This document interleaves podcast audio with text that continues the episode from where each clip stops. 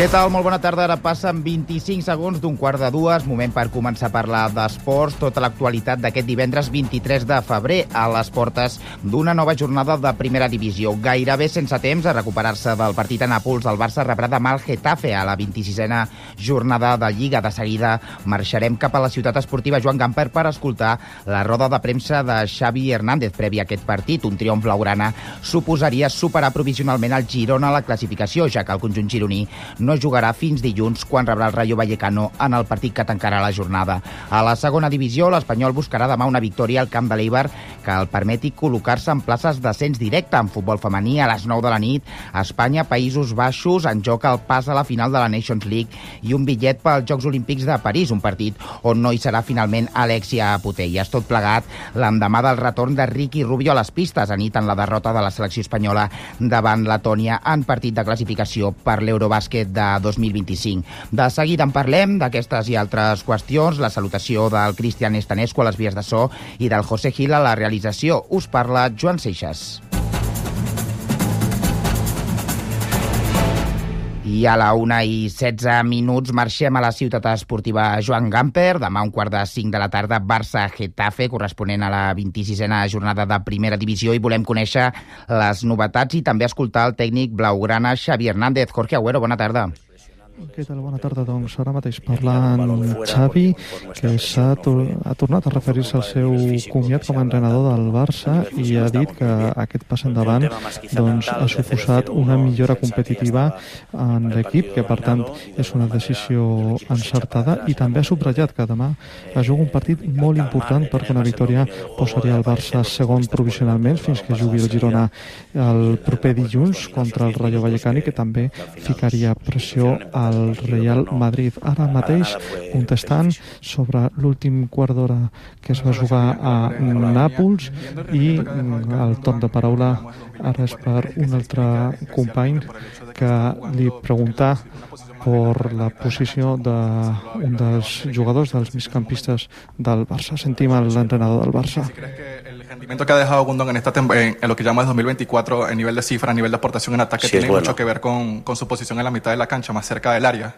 Sí, sí, también, claro. En eso y, y, que su calidad, él puede marcar diferencias desde la base y lo que llamamos nosotros el, el cuadrado o entre líneas o de media punta o de interior, como lo queráis llamar, pues está marcando diferencias. Está haciendo, para mí está haciendo una gran temporada Gundo. En este sentido, no solo de números, sino con lo que está aportando al grupo, al equipo. Y ahí están, asistencias, goles, futbolista fundamental para, para el equipo. Carmen. Hola, buena tarde, Xavi. María Carmen Torres, del diario Marca. Eh, está jugando Cancelo los últimos partidos también por la necesidad por Valde de lateral zurdo. Eh, pero vemos que durante los partidos es uno de los jugadores a los que más indicaciones o parece que, que le das. Quisiera que me valoraras eh, su aportación, ya no solo ofensiva en el lateral, sino defensiva. Gracias.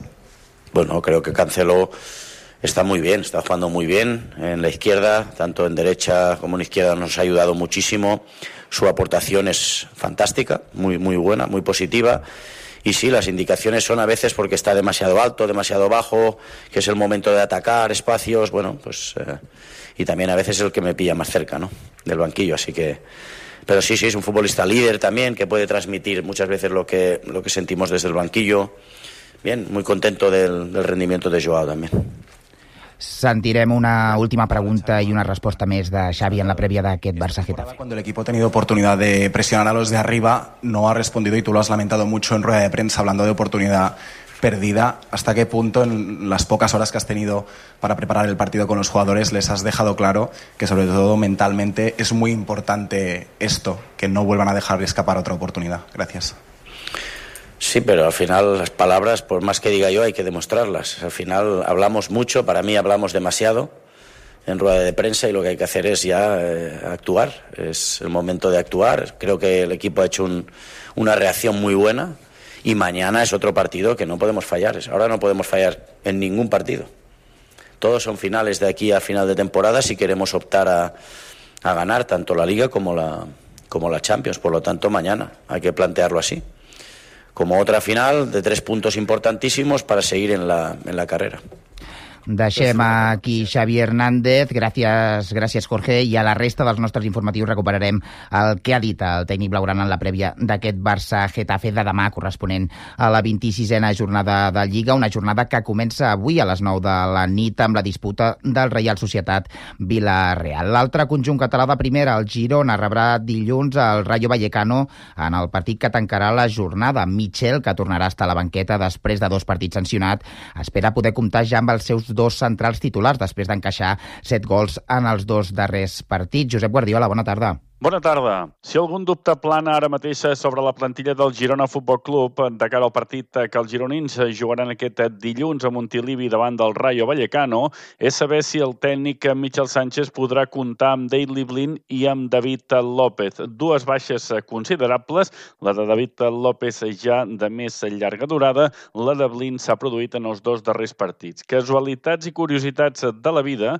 Blin havia jugat les 23 jornades anteriors d'aquest aquestes, 22 com a titular i els 90 minuts de partit. Una etapa en la qual el Girona encaixava pràcticament un gol per en contra. En els dos partits que ha estat fora, aquests números han canviat radicalment. 4-0 al camp del Madrid i 3 gols encaixats al camp de l'Atlètic Club. Per tant, 7 gols en contra en dos partits, que signifiquen una mitjana fàcil de 3 gols i mig en rebuts en cadascun d'aquests partits. I curiosament, malgrat es puguin buscar culpables, el seu substitut en aquests dos partits, Juanpe, ha estat dels millors de l'equip tant al Bernabéu com també a la catedral del futbol. Sí, com sigui, Mitchell ha de buscar la solució als molts gols encaixats en aquests dos últims partits i tant David López com sobretot Daily Lin en semblen la solució. Caldrà veure, per tant, si en la roda de premsa prèvia que es portarà a terme aquest diumenge, Mitchell dona ja llum verda per la tornada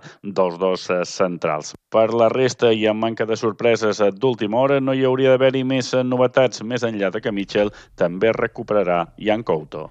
Gràcies, Josep. Un apunt més d'aquesta jornada 26 de primera. La Lliga i la Federació Espanyola de Futbol han rebut la sol·licitud del València i del Llevant perquè s'ajornin els partits que han de jugar aquest cap de setmana després que s'hagin decretat tres dies de dol a València pel tràgic incendi d'ahir al barri del Campanar. Fa pocs minuts la jutgessa de competició ha acceptat la petició. També ha quedat suspès el futbol base i territorial de la comunitat valenciana i no es descarta que els equips d'altres disciplines esportives demanin no jugar aquest cap de setmana. A la segona divisió, l'Espanyol jugarà demà al camp de l'Eibar l'objectiu guanyar fora de casa després de gairebé 5 mesos sense fer-ho. Un triomf, a més, el tornaria a situar provisionalment en posicions d'ascens directe, ja que el conjunt basc és qui ocupa ara la segona plaça amb dos punts més que els blanquiblaus. El tècnic Lluís Miguel Ramis, que ha comparegut aquest matí en roda de premsa, té clar que és una jornada important. Es una jornada importante para nosotros, primero porque fuera de casa tenemos que dar el nivel y qué mejor que hacerlo en un campo en el que hay un gran rival enfrente, ¿no? Por lo tanto, vamos convencidos de que eso va a ser así. Avui a dos quarts de nou ja sobre la 28a jornada de segona amb el Valladolid Oviedo, sisè i setè classificats a dos i tres punts de l'Espanyol respectivament.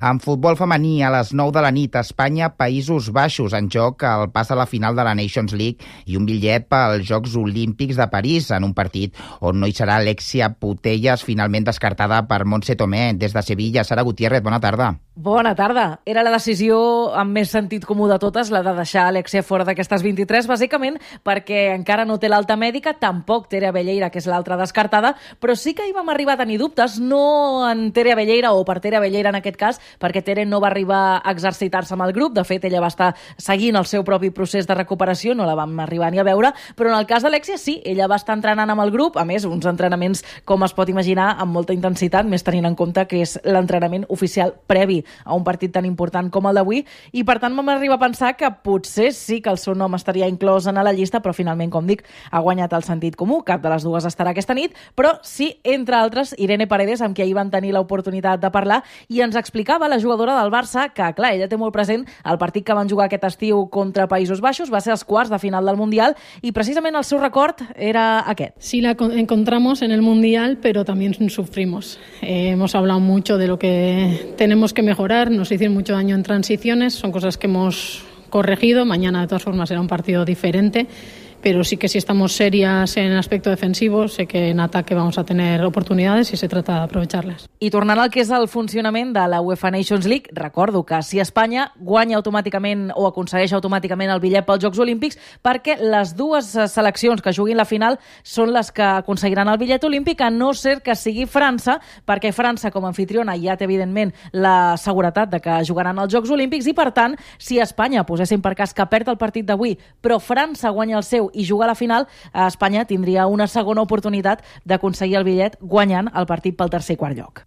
I tot plegat, com bé deia Irene Paredes, contra un rival a qui ja coneixen del passat Mundial i que no posarà les coses gens fàcils. Precisament ahir recordàvem aquest partit amb Andri Jonker, amb el seleccionador de Països Baixos. Deia que s'espera una Espanya més o menys similar a la d'aquell partit i també, entre altres, parlàvem del canvi de seu. Jo recordo que inicialment aquest enfrontament s'havia de jugar a Cádiz i no pas a Sevilla i sobre aquest canvi a dues setmanes vista, doncs Jonker té una opinió bastant formada. No puede cambiar un partido uh, dos, seman dos semanas antes del partido. No puede, no puede ser. Si queremos desarrollar el fútbol femenino, tenemos que organizarlo serioso també. Doncs molt clar, eh? el seleccionador de Països Baixos, no tant amb les cartes que mostrarà avui, perquè sí que va comentar que potser era el dia de canviar l'esquema tàctic, canviar d'un 4-3-3 a un 3-5-2, però que en tot cas ell deixava el misteri per, per aquesta nit.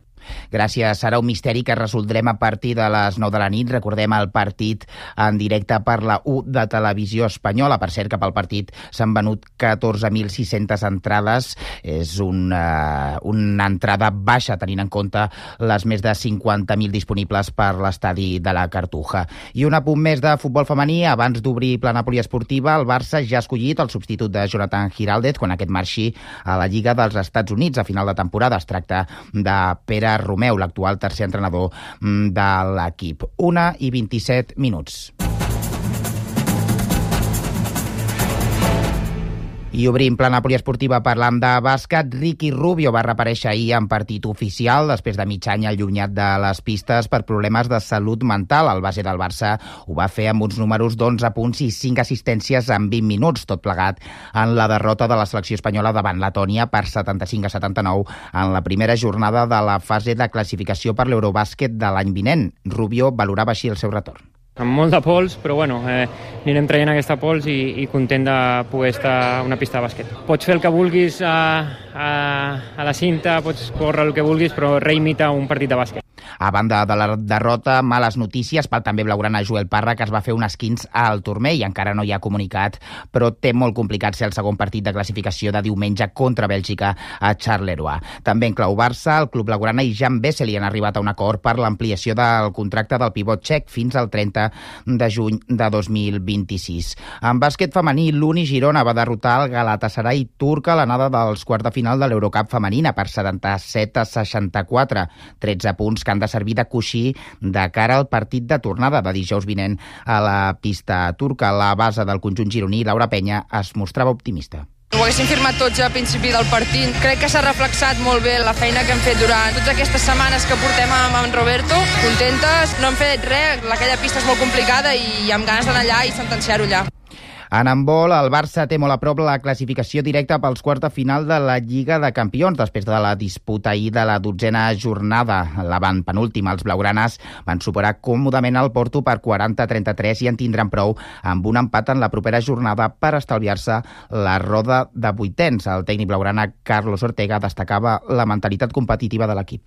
Creo que la defensa está rindiendo en general a un grandísimo nivel, mejor que otras temporadas, y, y bueno, y sobre todo los jugadores tienen un espíritu o un gen competitivo y un gen ganador que, que, es incopiable. ¿no? Ara el Barça es torna a centrar en la Lliga Sobal. Demà al migdia rebrà el Valladolid en partit de la 19a jornada. El Granollers, per la seva banda, visitarà també demà el Sinfín de Santander a dos quarts de sis de la tarda. I avui, recordem, últim dia dels tests de Fórmula 1 a Bahrein. Ahir el més ràpid va ser Carlos Sainz, mentre que Fernando Alonso va fer el 12è millor temps. És tot pel que fa als esports. Us deixem amb l'informació de Caire General amb la Mireia Moreno. Gràcies, bona tarda.